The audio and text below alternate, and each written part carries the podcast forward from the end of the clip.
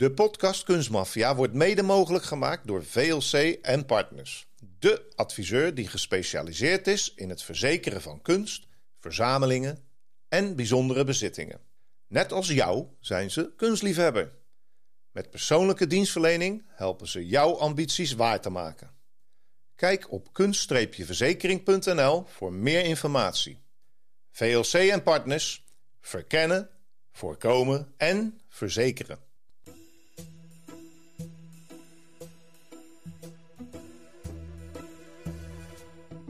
In maart 1995 is de Fransman Stefan Breitwiese met zijn vriendin Anne Kleinklaus op vakantie in Zwitserland. Tijdens een bezoek aan een middeleeuws kasteel in Gruyère raakt hij in de ban van een klein schilderij van Christian Wilhelm Dietrich. Het is een portret van een vrouw. Ik was gefascineerd door de schoonheid van haar ogen, zegt hij jaren later in de rechtbank.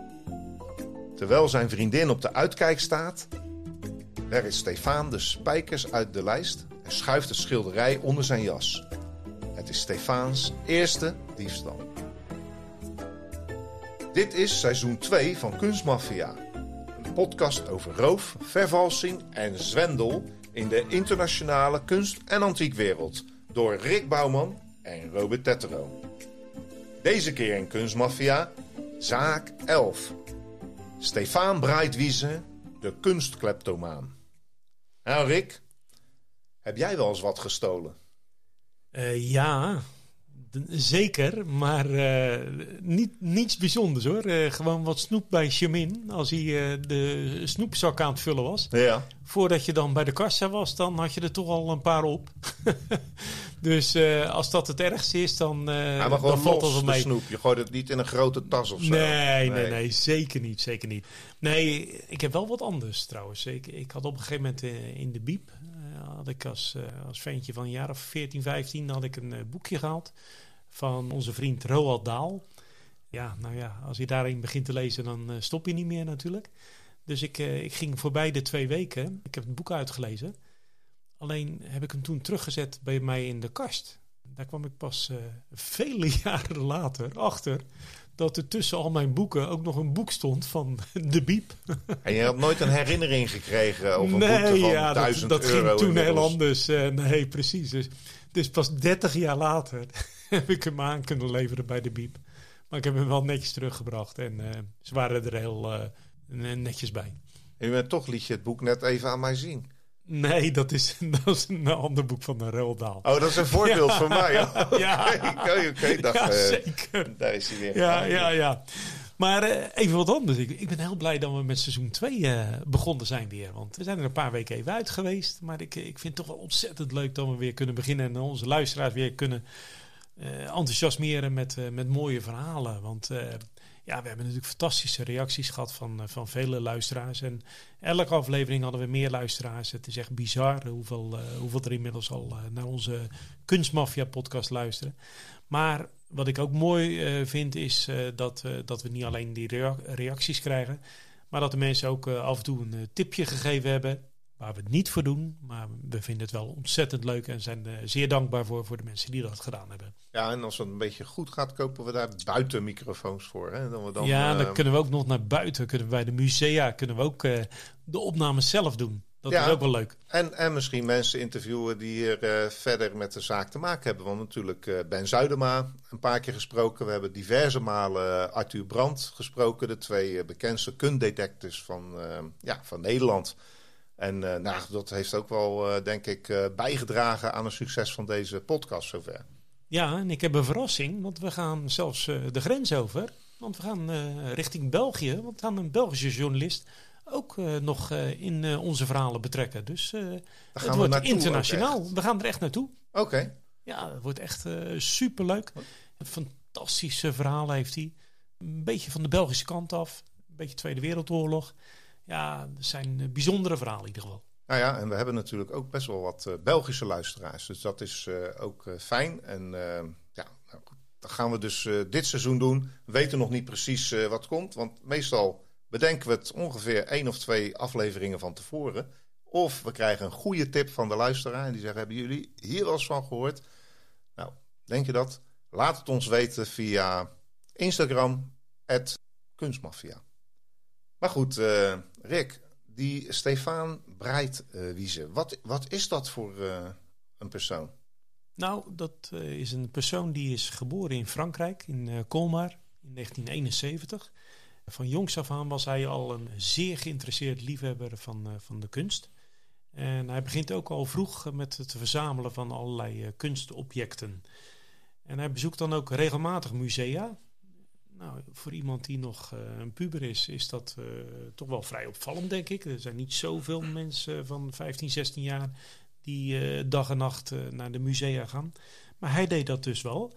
En hij ontwikkelt daardoor ook een, een liefde voor de kunstgeschiedenis. Maar wat het vreemde hieraan is, dat zijn passie op een gegeven moment voor de kunst al snel zeer duistere kanten laat zien. Oeh, ik verwacht hier bijna spannende muziek, Rick. Uh, maar het is waar. Twee jaar later, in 1997, na hun vakantie in Zwitserland, worden Stefan en Anne voor het eerst betrapt als ze met een landschap van Willem van Aals vandoor gaan. Het stuk komt uit een privécollectie, die ze met speciale toestemming van de eigenaar mochten inzien. Dus ja, ik kan me voorstellen dat ze in een huis rondlopen van de verzamelaar. De eigenaar wordt gewaarschuwd, rent naar buiten en herkent de twee als ze in de auto van Stefaans moeder stappen. En niet veel later worden ze klemgereden door de politie en gearresteerd. En die politie die uh, kijkt uiteraard in de, de auto om uh, terug te vinden wat hij nou precies gestolen had. Tot hun schrik zien ze dat hij ook een ander uh, kunstwerk al had gestolen. En dat lag ook al in de auto. Maar omdat het zijn eerste overtreding in Zwitserland was, krijgt hij wel een straf, namelijk acht maanden voorwaardelijk. Maar goed, hij gaat dus niet uh, de bak in. Wat hij ook uh, meekreeg is dat hij drie jaar lang niet in Zwitserland mocht komen. En Stefan was werkzaam als ober in Zwitserland. En hij moest dus wel iets verzinnen om toch zijn werk te kunnen blijven bouwen. Want naast het stelen van kunst was hij natuurlijk ook wel werkzaam. Hij moest ook wel op een normale manier nog wel geld verdienen. Ja, toen dacht hij van, weet je wat, uh, ik neem de naam even aan van de dienstmeid van mijn moeder. En onder dienstnaam uh, is hij gewoon uh, doorgegaan met werken in Zwitserland. Ja, want hij woonde vlak voor de grens hè, tussen Frankrijk en, en Zwitserland. Maar ja, misschien vond hij dat toch te riskant. En hij besluit zijn werkgebied door heel Europa uit te breiden, zeg maar, of in ieder geval in de buurlanden. Dus steeds als hij samen met Anne, zijn vriendin, ergens neerstrijkt, dan, ja, dan werkt hij als barman, ober. En in zijn vrije tijd gaat hij door met zijn andere werk, tussen aanhalingstekens, de diefstallen. Hij bezoekt vooral kleine collecties in de kleine musea. Dus niet het Louvre of het Rijksmuseum of al die andere grote, goed bewaakte musea. Nee, juist naar ja, die plekken waar de beveiliging ondermaats is, waar ze niet genoeg geld hebben. En um, Anne staat steeds weer op de uitkijk. En hij pakt de schilderijen van de muur of snijdt ze zelfs uit de lijst. En hij heeft geen enkel probleem om terug te keren naar musea waar hij eerder gestolen heeft. Want hij weet, ik sta toch niet op de camera. Ze hebben mij toch niet geregistreerd. Dus ja, dat uh, werkt vrij goed. En daar kan hij lange tijd mee doorgaan. Maar die Stefan, die verschilt wel van de andere kunstdieven. Want de andere kunstdieven, die waren altijd natuurlijk uh, aan het stelen om de kunst ook weer te kunnen verkopen. Dat ja. moesten ze dan illegaal doen we hebben in eerdere podcast al laten horen dat dat natuurlijk eigenlijk ook onzin is om dat te proberen. Want uh, ja, de meeste werken worden al snel geregistreerd als ze gestolen zijn. En ze zijn dus dan onverkoopbaar. Maar deze Stefan die verklaart: Ik geniet van de kunst. Ik heb de kunstwerken verzameld en thuis bewaard, zegt hij. Zijn eigen museumpje aan het uh, maken. Precies. En hij was dan ook nog eens een zelfbenoemd kunstkenner die de privécollectie bij elkaar haalde van met name meesters uit de 16e en 17e eeuw. Nou, goede smaak, hè, als je daarvan houdt natuurlijk. Tot aan 2001, hè, dus, dus nou, hij begon in 95 met zijn vriendin, hij 239 kunstwerken uit 172 musea. Dat is één diefstal per twee weken, Rick. En waarom zijn die aantallen nu zo precies? Want je zou zeggen, ja, hoe kan de politie dat nu allemaal uitgezocht hebben? Nou, hij gaf het zelf aan in de rechtszaak. Had een geheugen als een olifant. Dus als de officier van justitie of de rechter iets zei over, nou ja, dit schilderij komt daar vandaan. Zei ja, maar die ook. En uh, dus hij heeft heel die lijst compleet gemaakt. Dat was in de rechtszaak. Ja, en als we dan nog even terugkijken op zijn uh, diefstallen, dan is het, het meest waardevolle kunstwerk wat hij ooit gestolen heeft, dat is de Sibylle, prinses van Kleef. Kunstwerk van uh, Lucas Cranach de Oude. Uh, hij was toen op een kasteel in Baden-Baden en daar was een veiling van Sotheby. En laat dit schilderij nou niet geveld worden? Nee. Had hij het gestolen zeker? Precies. Maar dat was wel een waardevol uh, schilderij volgens mij. Want Sotheby's, uh, ja, daar kom je niet voor uh, een paar honderd euro aan natuurlijk. Nee, sterker nog, hij was 6 miljoen waard. En nou ja, goed, later ging hij dus verder uitbreiden met zijn kunstcollectie. En hij wist onder andere werken van Pieter Breugel, Rembrandt, Dürer, Cézanne en Picasso te verkrijgen. Ja, en hij was, hij, hij, hij, was wel een doel aan het nastreven hier. Hè? Want hij was echt bezig met, uh, zoals hij zelf zei, de rijkste man van Europa te worden. Nou ja, dat is geen vreemde gedachte natuurlijk, hè, want uh, dat ene schilderij was al 6 miljoen en daar heeft hij er wel meer van te pakken gekregen. Totale waarde werd ingeschat op een paar honderd miljoen euro. Nou, en al die kunstwerken, Rick, die hingen in zijn slaapkamer. Nou, ik weet niet hoe groot die slaapkamer is. Uh, en, en dat zijn niet alleen maar schilderijen. Hè. Dat was een jachthoorn en uh, nou, waarschijnlijk uh, vazen, Chinese vazen, weet ik wat dat hij allemaal meegenomen. Dus er moet een flinke slaapkamer zijn geweest in het huis van zijn moeder in Mulhouse in Frankrijk. En dan toch even stoppen weer.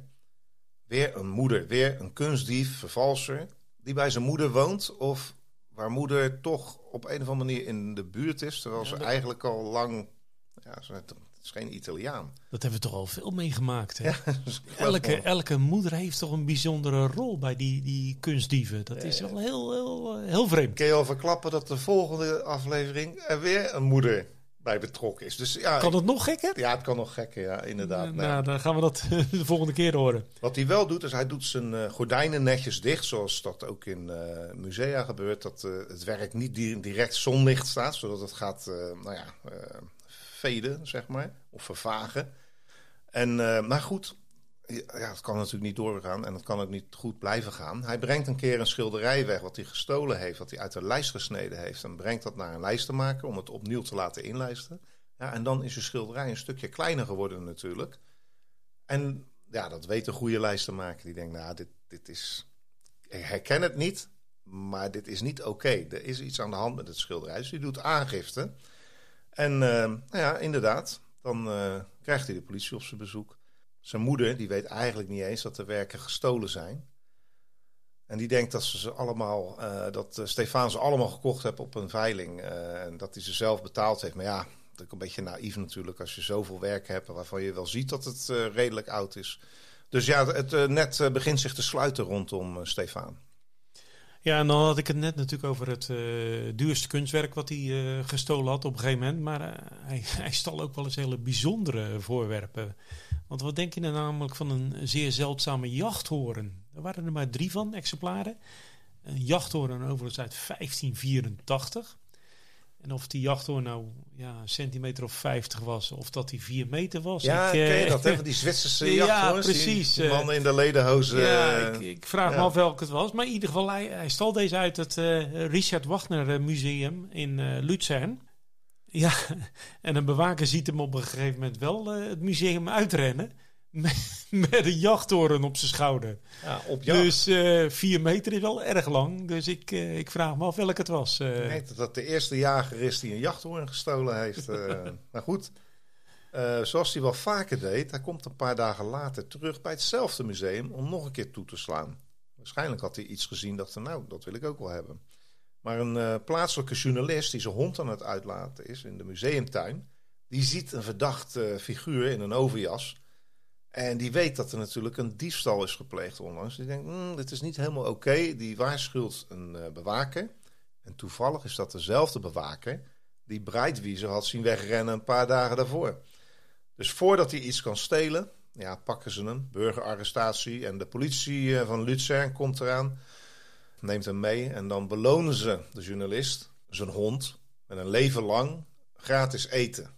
Hondenbrokken. Ja, eh, Patrick Paul, ik weet het niet. Ik vind het een beetje raar dat de journalist eh, dus niks gedaan. Misschien heeft die hond er wel heel hard achteraan gelopen en, en hem tegengehouden. Dat, dat zou kunnen natuurlijk. Ja, maar goed, eh, Stefan werd dus gearresteerd. Eh, zijn moeder die hoorde over deze arrestatie van zijn vriendin Anne. Want die was de dans ontsprongen. Moeder uh, Breitwiese besluit vervolgens om zoveel mogelijk kunstwerken te gaan vernietigen. Vernietigen. Ja, vernietigen. Schilderijen door midden scheuren, eh, kunstwerken. die gooiden ze op een gegeven moment buiten in het Rijnkanaal. Ja, dat is, eh, die Rijn komt hier ook nogal voorbij. Dus eh, nou ja, zo kun je ook aan je, aan je kunst komen. Maar ja, ze geeft het ook mee aan het oud vuil. Ja, En ja, ongeveer de helft van die verzameling brengt ze zo om zeep eigenlijk. ja, en er zaten hele dure stukken bij. Ja, eh, we hadden we gezegd 239 stukken. En er worden er nog maar 110 teruggevonden. Dus eigenlijk de helft is, eh, heeft ze vernietigd. Maar toch, 60 stuks worden vermist. En die zijn door zijn moeder verduisterd. Nou ja, verduisterd, vernietigd eigenlijk. Hè. Ja, ze had ook helemaal geen idee van de waarde van die werken. En de politie die vindt dan wel in het huis dat koord van de gestolen jachthoorn. En dan denken ze, oké, dat heeft hier dus gehangen. En nou ja, ze vinden natuurlijk die kamer, een hoop stukken terug. En uiteindelijk ehm, vinden ze toch nog wat stukken terug aan de oever van het Rijnkanaal. Die, eh, vooral de stukken die, die zeg maar drijven. Ik neem aan hout, de jachthoorn. Wordt door een wandelaar gevonden, die ziet hem ineens drijven.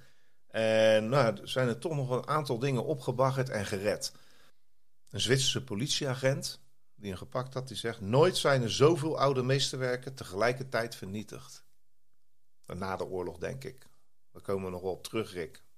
In de oorlog nog veel meer verdwenen is. Maar ja, Daar, gaan we zeker nog op terugkomen. Ja. En eh, nou ja, goed, de jachthoorn werd dus gevonden door een eh, wandelaar die op de rivieroever gevonden wordt. Maar op eh, 7 januari 2005 wordt Stefan eh, door een rechtbank in Straatsburg veroordeeld tot drie jaar gevangenisstraf.